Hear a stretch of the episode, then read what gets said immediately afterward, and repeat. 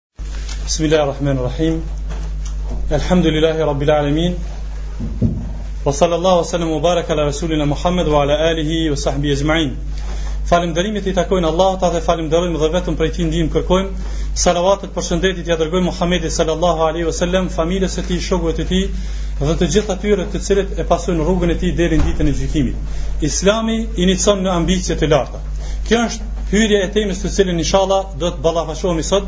Lusim Allahun Azza wa Jall që të na bëjë të sinqertë në fjalë dhe në vepra.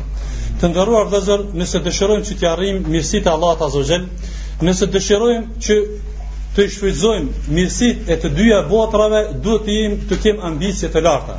Faktikisht, duhet të jemi të tillë qysh e kanë shfrytëzuar gjeneratat e para këtë botë që ne t'i ndjekim gjurmët e tyre, përndryshe nuk ka mundësi që të vijmë te mirësitë e Allahut Azza wa Jall dhe shpërblimet e tia. Ngase imam Maliku ka thonë, nuk ka mundësi që të, përfund, që të përmirësohet fundi i këtij umeti, ndryshe pos ashtu qysh është përmirësu me të parët tanë. Andaj duhet të jemi shumë të kujdesshëm nëse dëshirojmë që të kemi ambicie të larta, që t'i arrijmë kënaqësitë e Allahut Azza wa Jall shpërblimet e tia, Duhet që ne t'i marrim model gjeneratat tona të para. Përndryshe, dijetarët islam thonë, nëse dëshiron që të kesh ambicie të larta, duhet t'i kesh parasysh këto çështje. Nën një, mos t'i veshësh rrobat e pushimit në kohën e punës.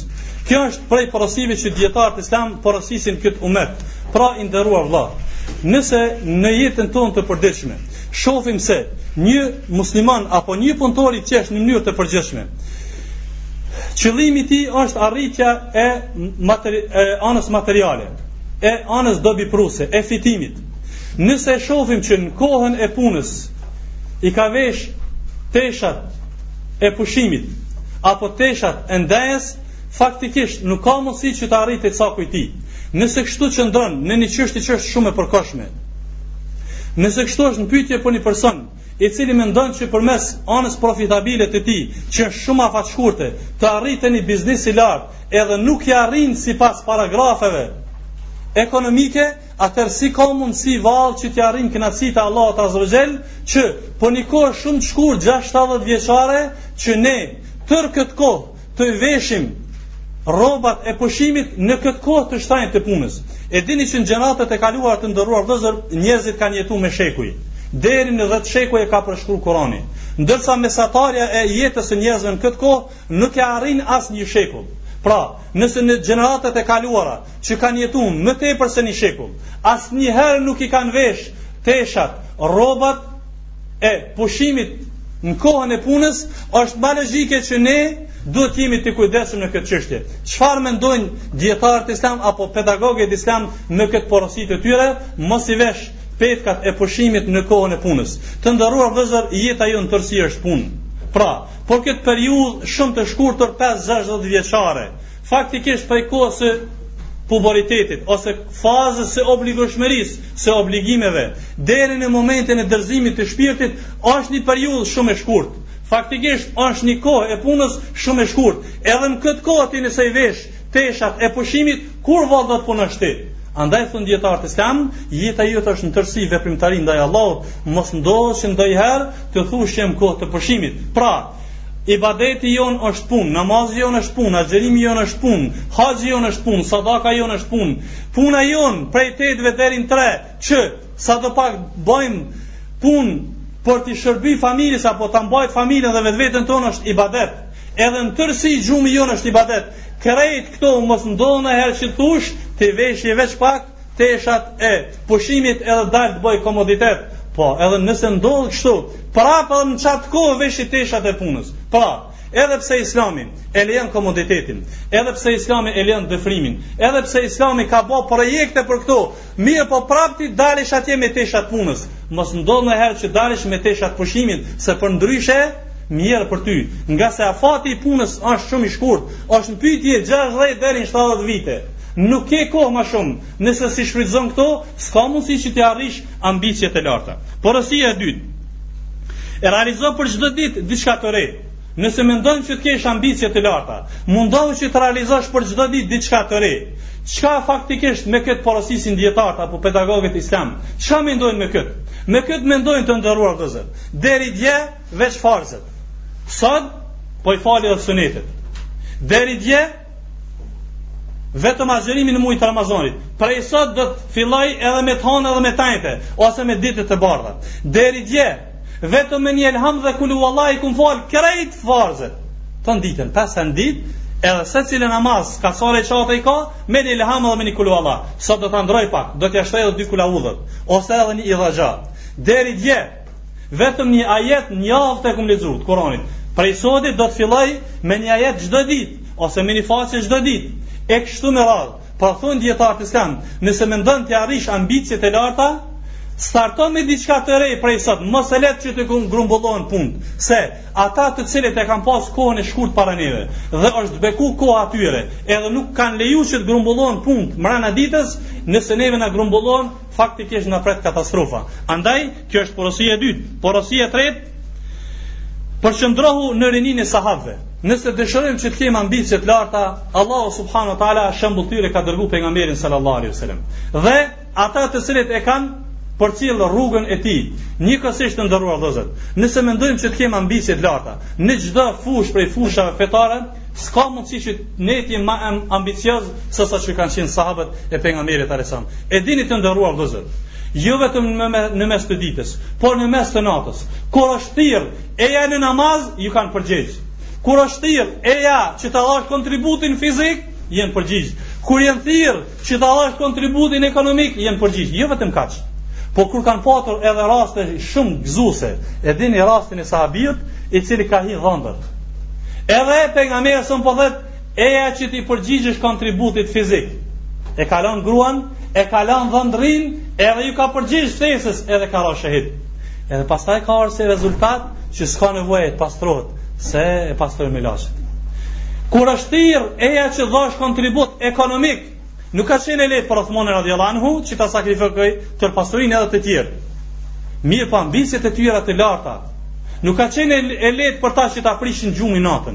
Nuk ka qenë e lehtë që të sakrifikojnë edhe me trupin fizik të tyre. Mirëpo kanë qenë në pyetje ambiciet e tyre të larta Për atë arsye i ka pastru Allahu në Kur'an edhe kanë mbet mostër shambull për ne deri në ditën e gjykimit.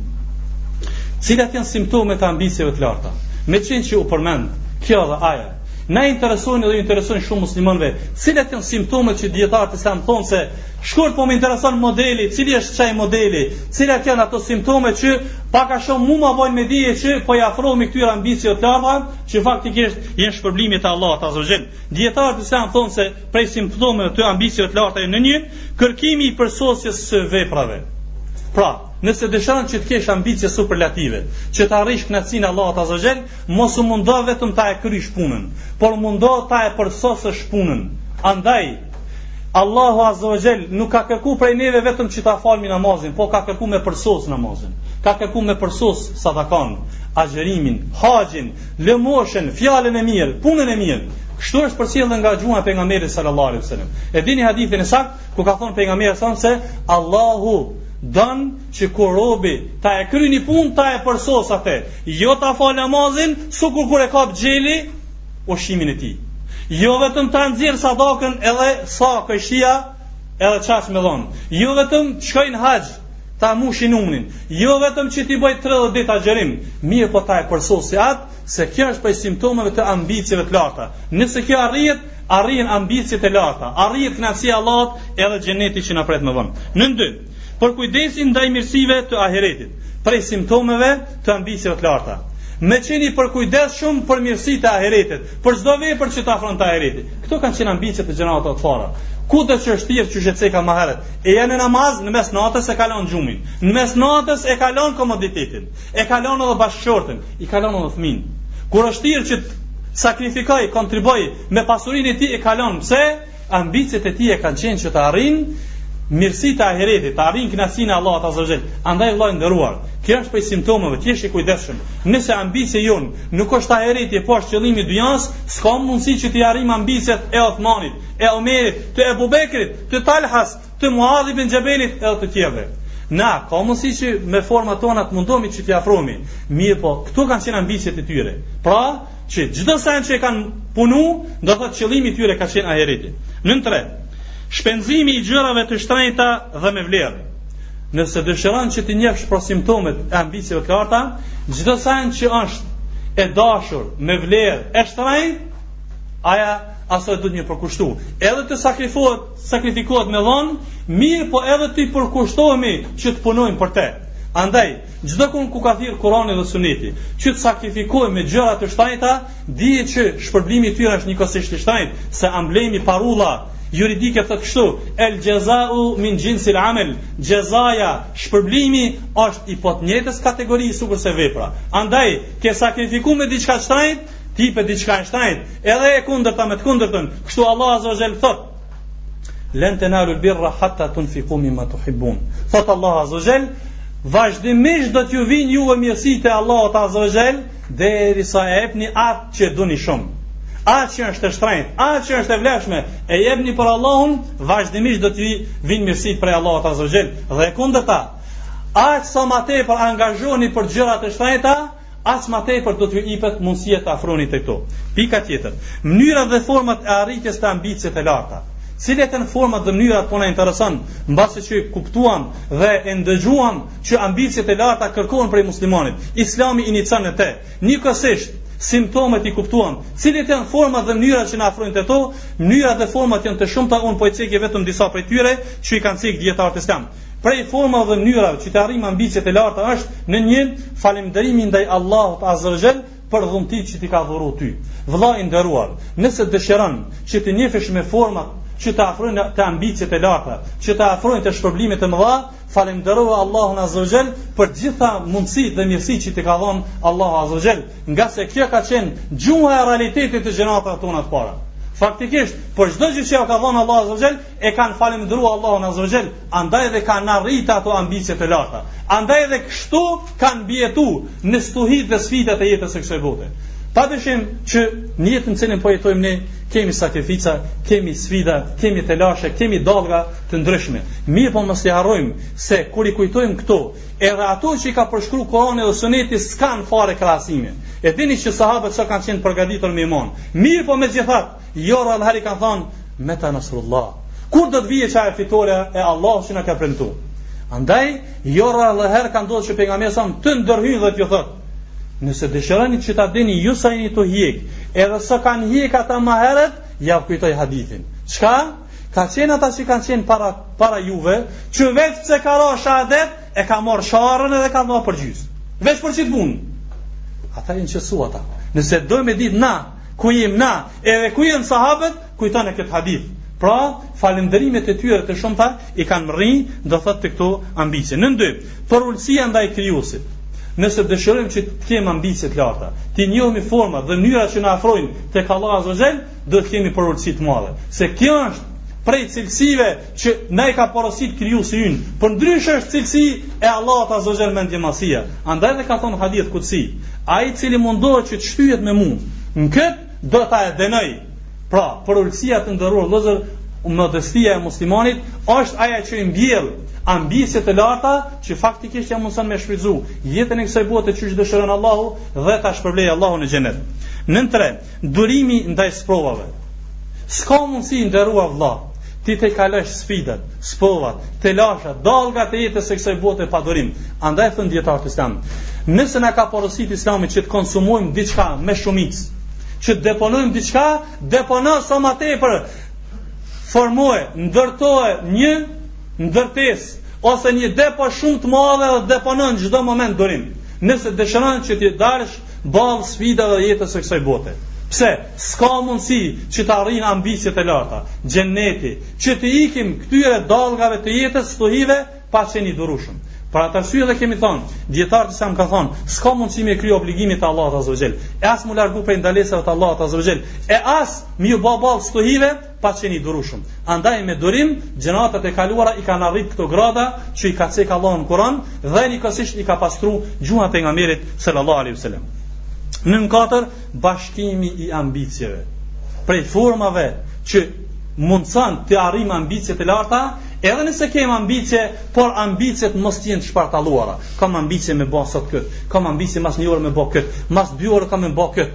Edhe kështu që shpartallohet, Një rregull i gjuhës arabe thotë el meshgulu la yushgal. Ai që është i angazhuar, mos të angazhohet. Ambiciet e larta, edhe ambiciet e shumta shpartalluara nuk kanë rezultat, por afroj ambiciet, bashkoj ambiciet nëse dëshiron rezultat. Është pyet Ebu Hanife rahimahullah. Si arrihet kuptimi i fikut? Ka thënë kuptimi i fikhut i dinit edhe jurisprudencës së Islam arrihet kur bashkohen ambiciet. Andaj vëlla i nderuar, edhe nëse e kuptove që Islami çon në ambicie, edhe nëse i kuptove simptomet e ambicies dhe format që të afrojnë te ambicia, bashkoj pra ambiciet e tua dhe starto. Mirëpo për ta kuptuar këtë më mirë, do ta shohim hadithin e temës se çfarë ambicie kanë patur sahabët dhe me çfarë ambicie kanë jetu, e kemi hadithin 29 të radhës për hadithin e Muadh ibn Xhebelit radhiyallahu anhu, duke mos humbur kohë pra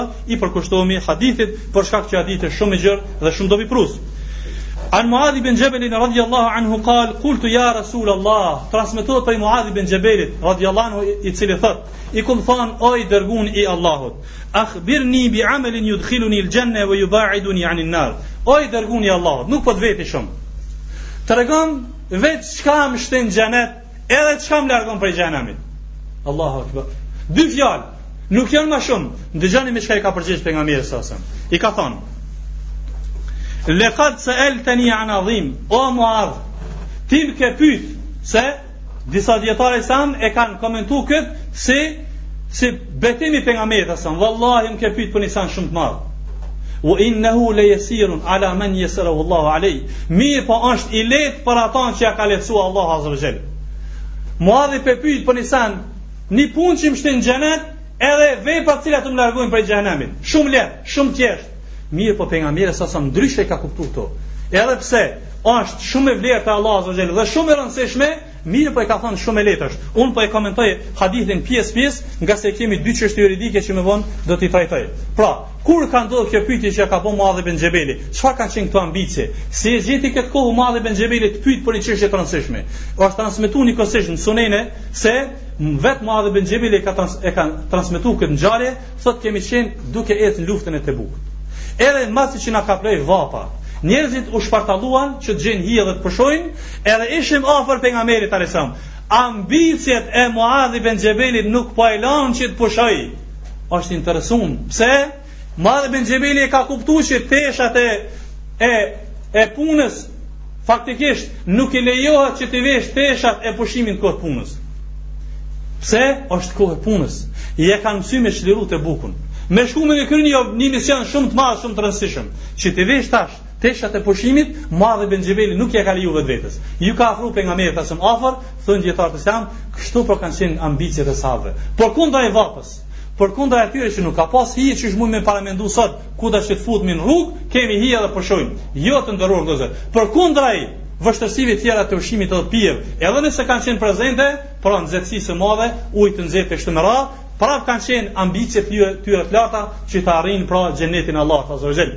I ka thonë, ja Rasul Allah, më trego ti për një punë që më shtin mu në xhenet edhe më largon prej xhehenemit. Pejgamberi alejhi selam po i thotë, vallahi më ke pyjtë për një punë shumë të madhe, Mirëpo megjithatë është e letë Për ata që ja ka letsu Allahu Kjo është nderuar vëllezër një argument Për t'i mposht ideologjitë e të gjithë atyre që thonë Valla na s'mujna mu falë Pa sa ndi s'mujna mu falë Shtirë me hi n'xhenet Shtirë me kry edhe atë Jo, pejgamberi alejhi selam ka thonë Në xhenet është shumë letë me hi Për ata që ja ka letsu Allahu azza wa jall Pra jem me kuptu të nderuar vëllezër Se xheneti nuk është i pamundshëm Por nuk është edhe shumë shtirë me hi n'xhenem Qysh nuk është letë me hi n'xhenet Nuk është edhe shumë shtirë me hi në xhenem. Andaj të jesh i kujdesshëm, tash fillon pejgamberi sallallahu alajhi wasallam me porosit Muadh ibn Xhebelin për porositë që e ka pyet pejgamberi sallallahu alajhi wasallam. I ka thënë kështu: "Ta'budullaha wa la tushriku bihi shay'a." Çfarë punë që po pyet me t'shti n'xhenet, edhe me t'largu, largu prej xhenemit është adhuroje vetëm Allahun azza wa jall dhe mos i bëj idhujtari atina. Puna e parë, më e rëndësishmja, adhuroje vetëm Allahun azza wa jall. E dini që definicioni më më përmbledh Ma i dobishëm është definicioni që dijetarët islam kanë thënë, adhurimi është emër i përgjithshëm i çdo gjëje që e don Allahu azza wa jall dhe është i kënaqur me të, qofshin fjalë dhe vepra, të qarta apo të mbrendshme, publike apo të mbrendshme. Andaj ky është adhurimi. Pra, i kthehemi prap kujdesit dhe porosisë së dijetarëve n'fillim të temës, mos i vesh petkat e pushimit në kohën e punës. Pra, futi që të gjitha ato në ambrellën e adhurimit dhe mos ndodhë që në adhurimin tënd ta shoqërosh Allahun azza wa jall, je afër xhenetit. Vazhdon dhe i thotë, wa tuqimu salat, fale dhe namazin, wa tu'ti zekat, jepe dhe zekatin, wa tasumu Ramadan, agjëro dhe Ramazanin, wa tahujjul bejt, edhe kryje haxhin. Shtyllat faktikisht të islamit. Ja dha çelësin e islamit, bazamentin e islamit. Nuk u nal me kaq pejgamberi alejhi selam. Po i thotë, Thumme kale, ela edulluke ala ebvabil khajr, o Muadh, kjo është bazamenti i islamit. A don që t'i tregoj dyert e mirësive, pra islami nuk mbetet vetëm me këto. A don që t'i tregoj dyert e mirësive, vazhdon duke i thonë, es-saumu xhunne, agjërimi është mburojë, ma herët i tha agjëro po tash prap i thotë agjërimi është mburojë, për çfarë agjërimi është në pyetje tash, kanë thonë dijetarët islam, Është në pyetje për agjërimin vullnetar, se pejgamberi alejhi selam ka thonë, kush agjëron një ditë agjërim vullnetar, e largon Allahu azza wa jall 70 vite, 70 pranvera prej zjarrit të xhenemit. Andaj tash pejgamberi alejhi selam masi që ja obligoi, masi që ja tregoi obligimet, tash p'i tregon vullnetarisht çka më me punu. Pra, kujdes të nderuar vëllezër në agjërim, se këto janë porositë që ka dhënë pejgamberi alejhi selam Muadhit. Pastaj i thotë Wa sadaqatu tutfiu al-khatiyata kama yutfiu al-ma'u an-nar. Mir po dhe lëmosha, edhe sadaka e mbulon e shun, i mbulon mkatet, qashtu qysh i mbulon apo i shun uji zjarmin. Ma herët foli për zekatin, jep zekatin, tash për çfarë, për çfarë sadake është në pytje, kanë thonë, për sadakën vullnetare, për një lëmoshë vullnetare, e cila ka ardh në dy komentime. Ka thonë, një një komentim thotë, Sadaka i mbulon gjynahet, i fshin gjynahet. Një transmetim tjetër ka ardhur, sadaka e pengon të keqen. Kon caktimin e Allahut azze ve xhel të keq, kaderin kur t'i vije, sadaka e pengon, e zvogëlon atë. Qysh kon hadithin tjetër, kaderin nuk e kthen mrapa askush pos duas. S'ka mundësi që duaja komplet me kthy caktimin e Allahut, por e pengon damin e saj. Pra, kanë thonë disa dijetarë islam, edhe sadaka e pengon, do thot, caktimin, kaderin e keq, e shembuj të përditshëm kemi, do thot, mjaft në jetën tonë të përditshme. Pastaj i thot, ashtu qysh uji e fik zjarrin. Kanë thonë dijetarët islam, se sadaka apo lëmosha i fshin mkatet e vogla, edhe ato që kanë kanë bo në mes tij dhe në mes Allahut, mirëpo për mkatet e mëdhaja, kërkojnë, kërkohet pendim apo tobe, ndërsa nëse janë çështje që kanë bën mes individëve, duhet t'i kërkohet hallall apo kthimi i borxhit atij të cilin e kemi marrë. Mirëpo po na intereson pejgamberi sallallahu alaihi wasallam këtu ka bënë ni krahasim shumë të rëndësishëm. Se qysh sadaka e e fik mkatin e mbulon mkatin ka thon njëjtën kohë uji e fik zjarrin. Pse? Përderisa kanë thon mkati është shumë i rrezikshëm dhe e djeg në kohësisht robin. Edhe i djeg veprat e mira, edhe shpije në zjarr, qashtu uji i mbulon ato. Andaj vepro vepra të mira, nëse dëshiron që ta përdorësh ujin aty ku është dobia jote. Wa salatu ar-rajuli min jawfi al-layl, pastaj ka thon kujdes se prej dyerve të mira apo prej dyerve të mirësive është edhe namazi në thellësinë e natës. Këto janë të nderuar vëllezër tri porosi të mëdha profitabile jashtë obligimeve. Masi që e ka porosit me këtë porosi, ja ka citu një citat kuranor në suretu Sexhde, citati 16 dhe 17 i ka thonë, citatin kuranor tetexhafa xhunubuhum anil medaxhi, dhe trupat e tyre largohen prej komoditetit të fjetjes. Derisa ka citu fundin e citatit 17, i ka thonë, ja'melun edhe për shkak të veprave të mëdha dhe shpërblimeve të mëdha që i presin, ata punojnë për to. Pra, Pejgamberi sallallahu alaihi wasallam mas shtyllave të Islamit e ka porosit me këto porosi që të jeni të kujdesshëm pra me agjërim vullnetar, me sadak, edhe të jeni të kujdesshëm me namaz natës të nderuar vëllezër, se është shumë e rëndësishme se e dini që Allah azza wa xhel në hadith kutsi ka thonë mas namazeve farze nuk ka punë që afrohet robi te unë ma shumë se sa me namaze vullnetare, apo namaze nafile e sidomos namazet e natës një dobi jashtë temës Pejgamberi sallallahu alaihi wasallam mbasi që po e cek porosinë Muadhit për namaz natës, pe citon një citat Kur'anit. Mirë, po nuk po thotë audhu billahi minash shaitanir rajim, tetejafa junubuhum. Po drejt pe citon citatin Kur'anor. Kanë thon disa dijetarë islam kur citon ndonj citat Kur'anor, si pun dëshmie s'ka nevojë me thon audhu billahi minash shaitanir rajim, kështu kështu. Mirëpo, kur ki plan me lexu citatin Kur'anor apo me lexu citat ose një faqe, ma s'pari e bojmë istiadhën. Pra kjo është një dobi jashtë temës. S'ka nevoj pra, kur, kur bim nji citat kuranor si dëshmi në temë ose në bised, ska nevoj me thonë audhu billahi minash shaitanir rajim, edhe me cekë citatin kuranor, pra kjo është mendim i dijetarëve islam. Pastaj vazhdon Pejgamberi duke thonë, ela ukhbiruke bi re'sil emri kullihi, a don që të tregoj për kokën e krejtë kësaj çështje që ta tregova. Wa amudihi edhe shtyllat e saj, wa dhirwatu sanamihi edhe kulminacionin e krejt këtyre që t'i thash po a don që t'i tregoj për këtë këtë bazament për këtë këto shtylla edhe për këtë këto gjërat kulminante i tha kultu beja bela ya rasul allah i thash po si jo i dërguni Allahut tregom edhe për këto filloi pejgamberi son t'i tregoj duke thon rasul islam rasul amri il islam çështja koka e krejt kësaj çështjeje është Islami. Pra, nëse dëshiron që të afrohesh te Allahu Azza wa Jall, që t'i krysh krejt këto, është çështja e Islamit. Gjithçka jep me kuptu se, falesh, agjeron, jep sadak, shkon haxh, bën vepra të mira, nuk e ki çelsin, s'ka mundësi që të hin në xhenet. Edhe në anën tjetër, nëse nuk largohesh prej ndalesave, s'ka mundësi që të largohesh prej xhehenemit apo je ka afrohesh shumë xhehenemit. Për atë arsye ka qujt pejgamberi sa,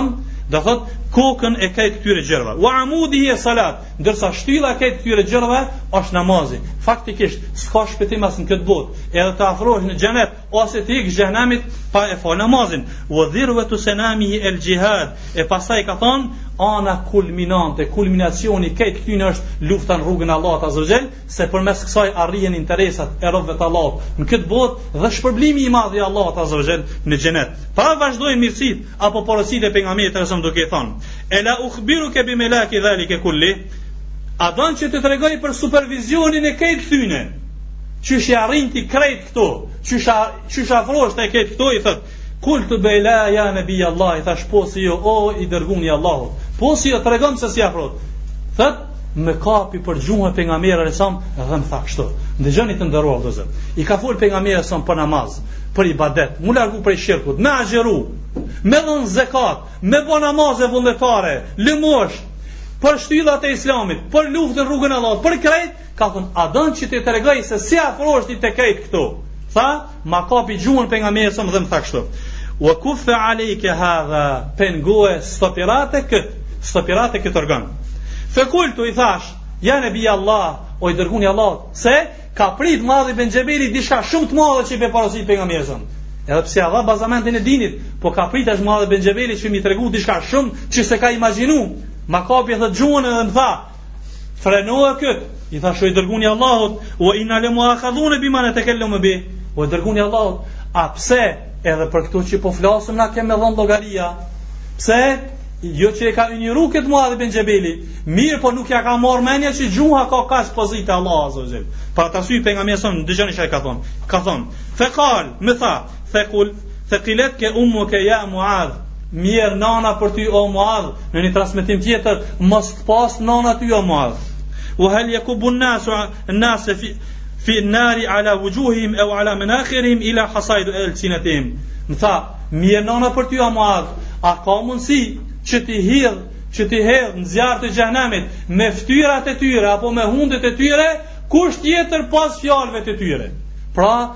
Ky është fundi i hadithit. Kjo është ajka e kësaj porosie të nderuar vëllezër, që faktikisht e shpie në xhenet dhe e mbron prej xhehenemit, ngase pejgamberi alejhi selam ja ka tregu anën supervizore të këtyre, apo anën superlative nëse dëshon të që të jesh ambicioz i xhenetit dhe largim prej xhehenemit, andaj pra të nderuar vëllezër, për shkak kohës së ngushtë dhe temës shumë të rëndësishme, unë po i veçoj vetëm dy çështje që t'i debatojmë. Çështja e parë, Në bazë të këtij hadithi nënkuptohet se veprat janë shkak i futjes në xhenet. A është kështu?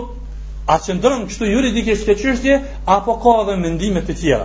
Se faktikisht pra, mbasi që Muadhi e pyeti, o i dërguni i Allahut, më trego diçka, naj vepër që më shtin në xhenet, pejgamberi alejhi selam e porositi. Jep me kuptu pra Se veprat janë mjet që të shtin në xhenet. Kështu ka thënë Allahu Azza Jall edhe në suren Ez-Zukhruf, citati 72, thot Allahu Azza Jall Wa tilku wa tilka al-jannatu allati urithtumuha bima kuntum ta'malun. Ky është xheneti që e keni trashëgu për shkak të veprave tuaja. Pra ky ajet i Kuranit, edhe hadithi i temës me një an, edhe hadithi që kanë nxjerr Buhariu dhe Muslimi, nga Ebu Hurejra me një an, Japin me kuptu që janë të kundërta njëra me tjetrën. Cili është hadithi i Ebu Hurejrës? Pejgamberi alejhi selam ka thonë kështu. Askush prej juve nuk ka me hi në xhenet me veprat e tija. I kanë thonë, ja, o i dërguni i Allahut, a as ti s'ki me hi në xhenet me veprat e tua? Ka thonë, as unë, pos nëse na përshin mshira e Allahut. Andaj, ky hadith me një anë dhe argumentet e para me një anë japin me kuptu se janë ndesh njëra me tjetrën edhe pse gjitha janë të sakta edhe pse ne kemi mësuar atë rregullin parimor argumentet e sakta fetarisht nuk ndeshen njëra me tjetrën. Andaj, faktikisht, po na intereson me debatu këtë çështje.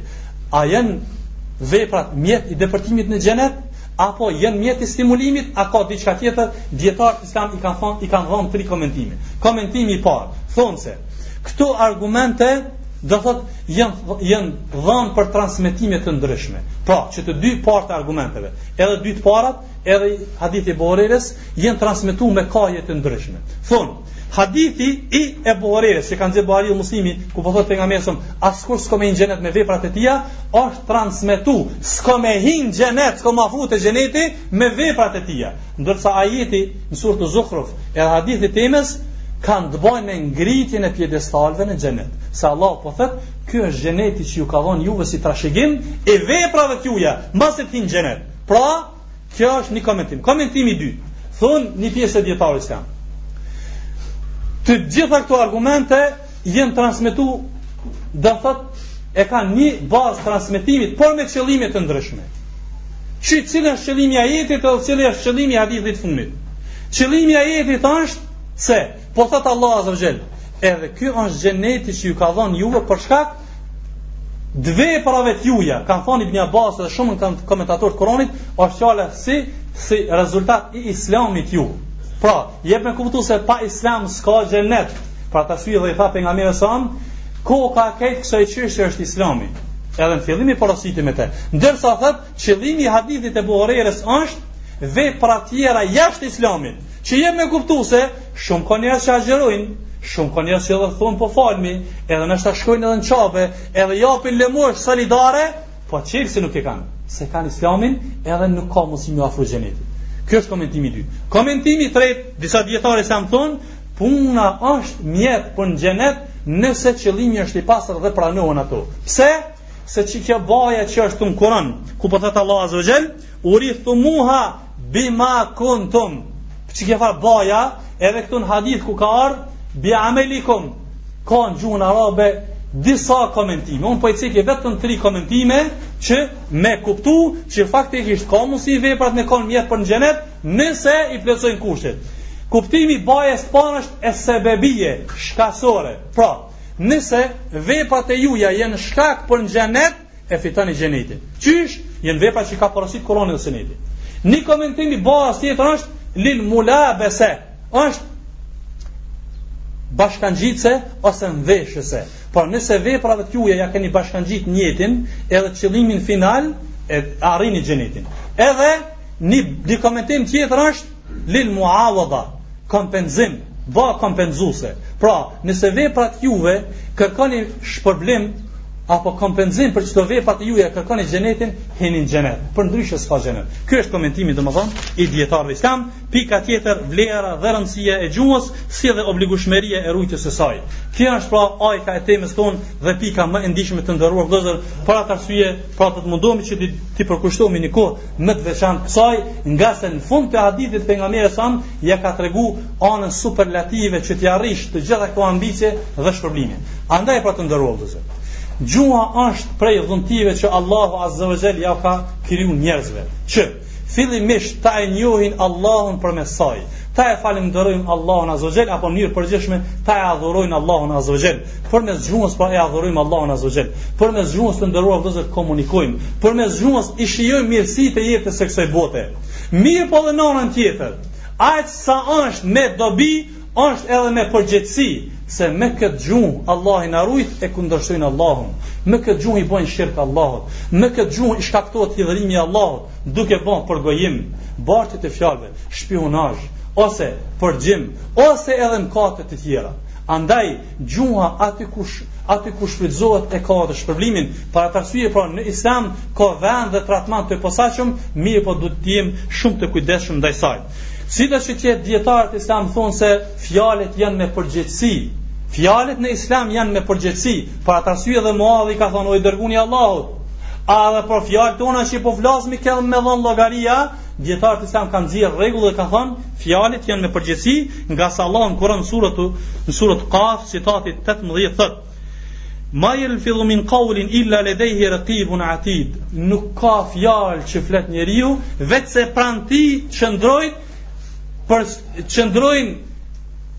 përgatitje speciale që i shënojnë fjalët e tyre. Pra thonë dijetarët islam, nuk ka fjalë që del prej gojës së njeriut, vetëm se regjistrohet edhe do të llogaritet njeriu për to. Andaj, kjo na jep me kuptu që fjalët tona janë me përgjegjësi dhe duhet të jemi të kujdesshëm. Mirëpo, aq sa janë fjalët me përgjegjësi, janë edhe me vlerë. Andaj, i nderuar vlla, heshtja është parim dhe simbol i t'parëve tanë dhe ka qenë simbol i pejgamberit alejhi selam. Përveç në raste kur kërkohet fjala. Përndryshe, baza, bazamenti i muslimanit është heshtja, ngase përderisa kemi me u llogarit për to, duhet të jemi të kujdesshëm. Argumentet janë të shumta, unë po i citoj vetëm disa prej tyre. Transmetohet prej Abdullah ibn Amrit radhiyallahu anhu ka thon, ka thon pejgamberi sallallahu alaihi wasallam, "Men samata naja." Kush hesht ka shpëtu. Këtë hadith e ka nxjerrë Imam Ahmedi dhe Tirmidhiu. Kush hesht ka shpëtu. Pse? Këtë e, e transmeton apo e vërteton hadithi i Ebu Hurajres radhiyallahu anhu ku pejgamberi sa sa ka thënë men kana yu'minu billahi wal yawmil akhir falyaqul khayran aw liyasmut kush e beson Allahun azza wa jall edhe ditën e gjykimit kush e beson Allahun azza wa jall edhe takimin me Allahun ose le t'flet mirë ose le t'hesht hadithin e ka dhënë Buhariu e Muslimi pra japin me kuptu që heshtja duhet të jetë parim i muslimanit pse Se do të llogaritesh edhe për mirë nëse vetë ti nuk llogarit. Me çfarë qëllimi ke thon? Çka ke dashur me këtë fjalë? E as më tepër nëse ke thon me tendenca të këqija, apo nëse fjalët nuk kanë qenë në dakord me ato që ka ardhur Kurani dhe Suneti. Mirëpo këtë përcjell edhe një transmetim nga Muadh ibn Xhebeli, nga i njëjti transmetues i temës tonë, ku thot më ka porosit pejgamberi sallallahu alajhi wasallam me një tjetër porosi duke thon: "Innaka lan tazalu salima, ma sakat." Ti Sado që të heshtësh, ki me qenë i shnosh, ki me qenë i shpëtum, i shpëtuar. Mirëpo i ka thonë, fe idha tekelemte kutibe leke ev alejk, mirëpo sa herë që të flasësh, ose do të shënohet pro, ose kundra teje. Pra, i ka thonë Muadh ibn Xhebelit me një porosi tjetër që jep me kuptu se pejgamberi alejhi selam e ka dasht shumë Muadh ibn Xhebelin. Për atë arsye edhe e ka porosit me porosi të rëndësishme. Nga kush duhet të ruhet gjuha jonë? Të nderuar vëllezër dijetarët islam porosisin, thonë se nëse dëshirojmë që ta e kuptojmë nga kush duhet të ruhet gjuha, duhet të ruhet gjuha nga çdo sen që shkakton, nga çdo vepër që shkakton hidhërimin e Allahut azze ue xhel.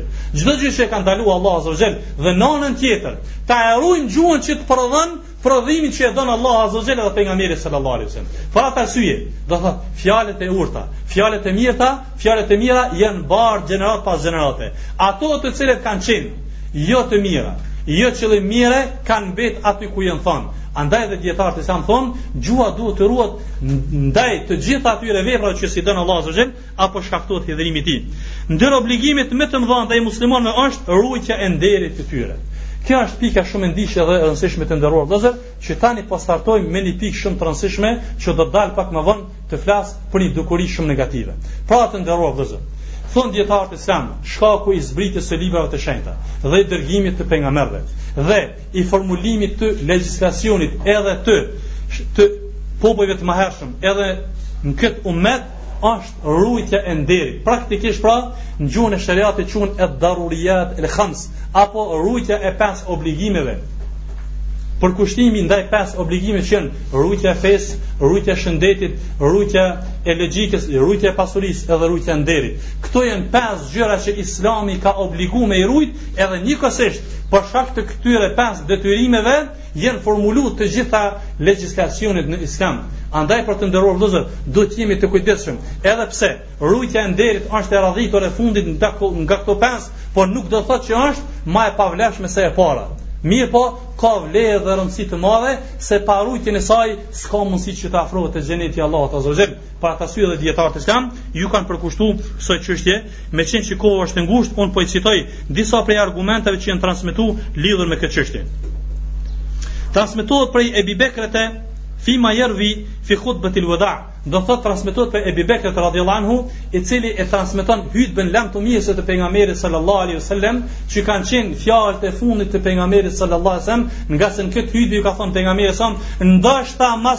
këtij viti nuk do të shihemi më me dikon për juve. Andaj edhe ka porosit pejgamberi selam, duke thonë, dine mirë se, gjaku, pasuria, dhe nderi është i ndalun për ju, qysh është ndalun në këtë dit, në këtë muj dhe në këtë vend. Pra kanë thonë dijetarët islam, fjala e pejgamberit alejhi selam, se nderi është i ndalun për ju, që ta cenoni nderin e njëri-tjetrit, hiç ma pak, pra nuk e zbrit peshën, ashtu qysh e keni haram,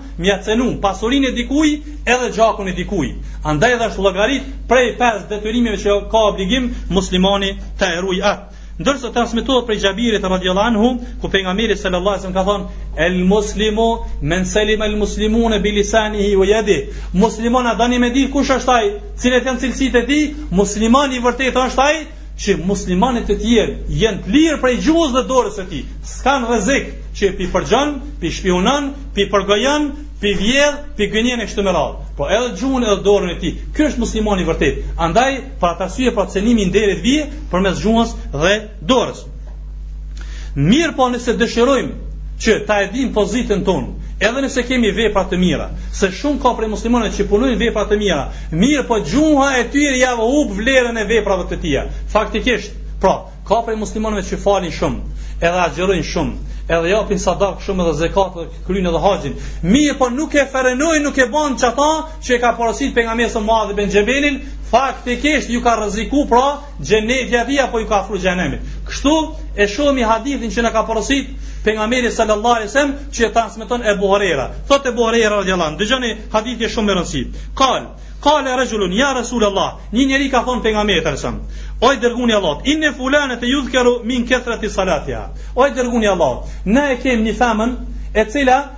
Përmendet se fal namaz shumë, edhe agjëron shumë, edhe jep sadak shumë. Mirëpo shumë i mundon kojshit fqinjt e vet me gjuhën e saj.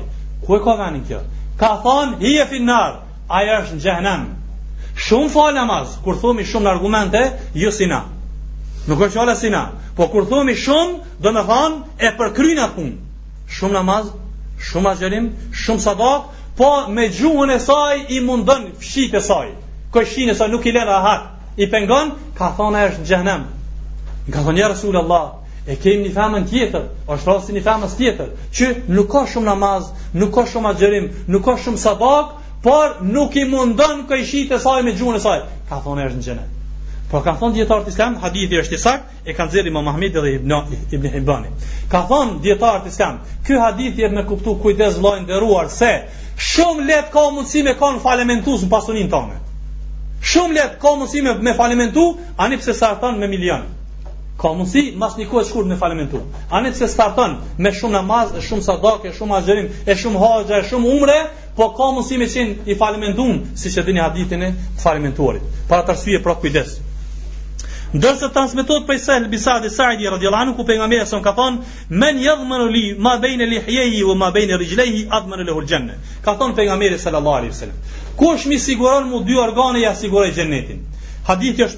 e ka transmetuar Buhariu dhe Tirmidhiu. Kush ma siguron mu gjuhën edhe organin e tij gjenital, ja garantoj atij xhenetin. Thon dijetarët islam. Marrja e këtij garancioni prej pejgamberit alejhi selam, jep me kuptuar se këto dy organe kanë vend të veçantë tek Allahu Azza wa Jall. Për atë arsye ka kërku garancion pejgamberi selam. Kush m'i garanton këto dyja dhe për atë arsye ka kap për gjuhën pejgamberi selam Muadhin. Ka thon, "Stopirate kët, frenoje kët nëse dëshiron xhenet." Duhet të jetë prioritet i muslimanit angazhimi me vetveten e tij. Ky do të jetë amblemi i muslimanit të nderuar vëllezër, që prioritet të jetë angazhimi me vetveten e tij e jo me të tjerë. Jo me këqyr mëkatet e tjerëve, jo me këqyr gabimet e tjerëve, se dijetarët islam thonë. Ai që mirret me gabimet e tjerëve s'ka kohë me u marrë me vetveten e tij, për atë arsye argumentet janë të shumta,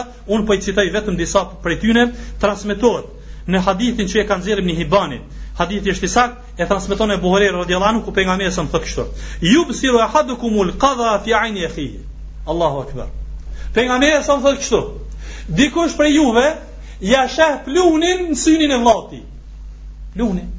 Diçka shumë im. Pluhunin ja sheh në synë e vllait tij. Mirëpo thotë nuk e sheh trupin e hurmës në synin e vet.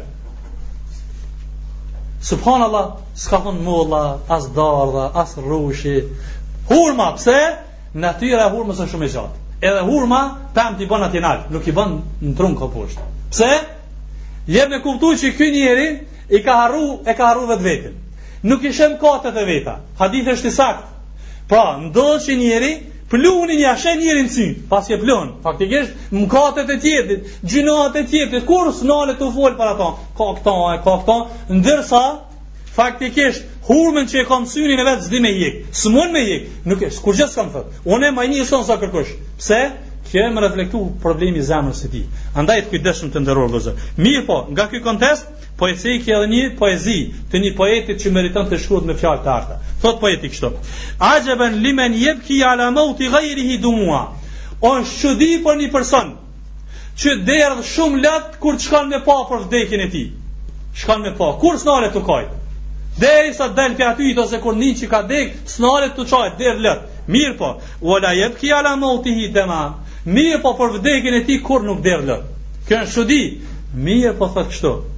Ue a'xhebu min dha, mirëpo ma e çuditshme se kjo është një tjetër. En jera ajbe gajrihi adhima, ma e çuditshme se kjo e para është, kur i sheh të metat e tjetrit shumë të mdhaja, ndërsa shumë gabim i vogël, shumë lëshim i vogël që s'e din, po ai e bën e zmadhon e sheh shumë të madhe, wa fi aynayhi an aybihi ama, ndërsa për të metat e tij ka verbrim në sytë e tij. Pra, poeti thot shumë lehtë qan njeriu, shkon me pa, i mjeri ka dekë, m'u ka dhimtë, kurrë s'nalet tu qa me ditë, e kurrë nuk i derdhin, Nuk i rrjedhin lotët se ka me vdekë edhe çfarë përgjësi e ka. Mirëpo ma e çuditshme është që faktikisht të metat e të tjerëve i sheh shumë të mëdha në syrin e tij, ndërsa ju kanë qorru sytë e tij, ju kanë vërbru për të metat e tij që i ka. Andaj fatkeqësia më e madhe është përgojimi ndaj dijetarëve. Të nderuar vëllezër, me qenë që në fillim të ligjëratës u thash është një temë shumë e rëndësishme dhe pikë me rëndësi dhe fatkeqësisht epidemi e këti shekulli që është marrë prej injorantëve nga shekujt e kaluar, duhet të jemi shumë të kujdesshëm se prej pikave më të ndishme, që ja hup vlerën, e zbeh islamin, ja hup vlerën diturisë, edhe njëkohësisht e shkput zinxhirin e transmetimeve të vërteta është pra përgojimi ndaj dietarëve. Edhe pse përgojimi, gibeti, nëmimja, gënjeshtra, krejt janë prej mëkateve të mëdha, mirëpo, do thot gjuha apo faktori i këtyne është gjuha andaj do të jemi të kujdesshëm nëse përgojimi nëse Bajtja e fjalëve është prej mkateve të mëdha, ndaj njerëzve të thjeshtë, ndaj dietarëve është aq më e rëndësishme, andaj dhe dietarët islam e kanë llogaritur prej mkateve të mëdha, mirëpo duke ashtu edhe një mëkat më tepër se e dëmton islamin. Kështu që duhet të jemi të kujdesshëm të nderuar vëllezër se përgojimi i dietarëve është shumë i rrezikshëm. Andaj të nderuar vëllezër gjithnjë duhet ta kemi parasysh hadithin e pejgamberit alejhi selam ku ka thënë el ulema'u Hum warathat al anbiya. Dietarët janë trashëgimtarë të pejgamberëve. O musliman, nuk ka më pejgamber. Është mbyll rruga e pejgamberëve dërgimit pejgamberëve. Pejgamberi na ka thënë dietarët janë ata që i trashëgojnë pejgamberët. Edhe për çdo njeri se flasmi, e për kënd të flasmi mirë. Duhet të jemi të kujdesshëm. Andaj dhe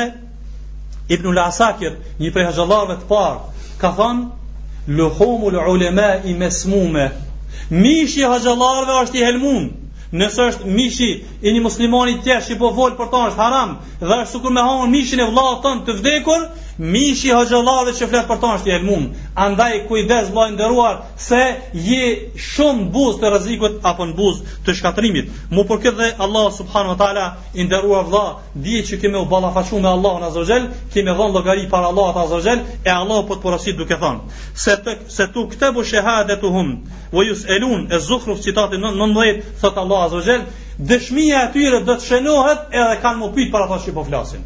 Kjo një. Pastaj po thot Allahu Azza wa Jall, E lem jalem bi enne Allahe jera El Alek citati 14 A thu vall ky njeri Hiç po mendon që Allahu është duke e pa Po flet për hoxhallar Po flet për dijetarët e umetit Që kanë sakrifiku Pasurinë, familjen, vetveten e tyre E ky po flet për ta E lem jalem bi enne Allahe jera A hiç po e din ky që Allahu është duke e pa Pastaj po thot Allah azza jall në suratul mutaffifin, ela yadhunnu ulaika annahum mab'uthun.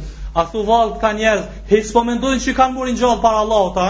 Pastaj li yawmin adhim para një dite të madhe, apo në një ditë të madhe, yawma yaqumun nasu li rabbil alamin, atë ditë ku njerëzit do të dalin para Zotit të gjithësisë. Pra të nderuar vllezër, kujdes, thonë dijetarët islamë, këto citate kuranore e rrënqethin zemrën e besimtarit dhe trupin e tij, të jemi të kujdesshëm që të flasim ndaj dijetarëve. Rreziku i shpifjes mbi dijetar është shumë rrezik i madh, unë po i citoj vetëm kalimthi rreziqet për shkak kohës së ngushtë dhe skadimit të kohës.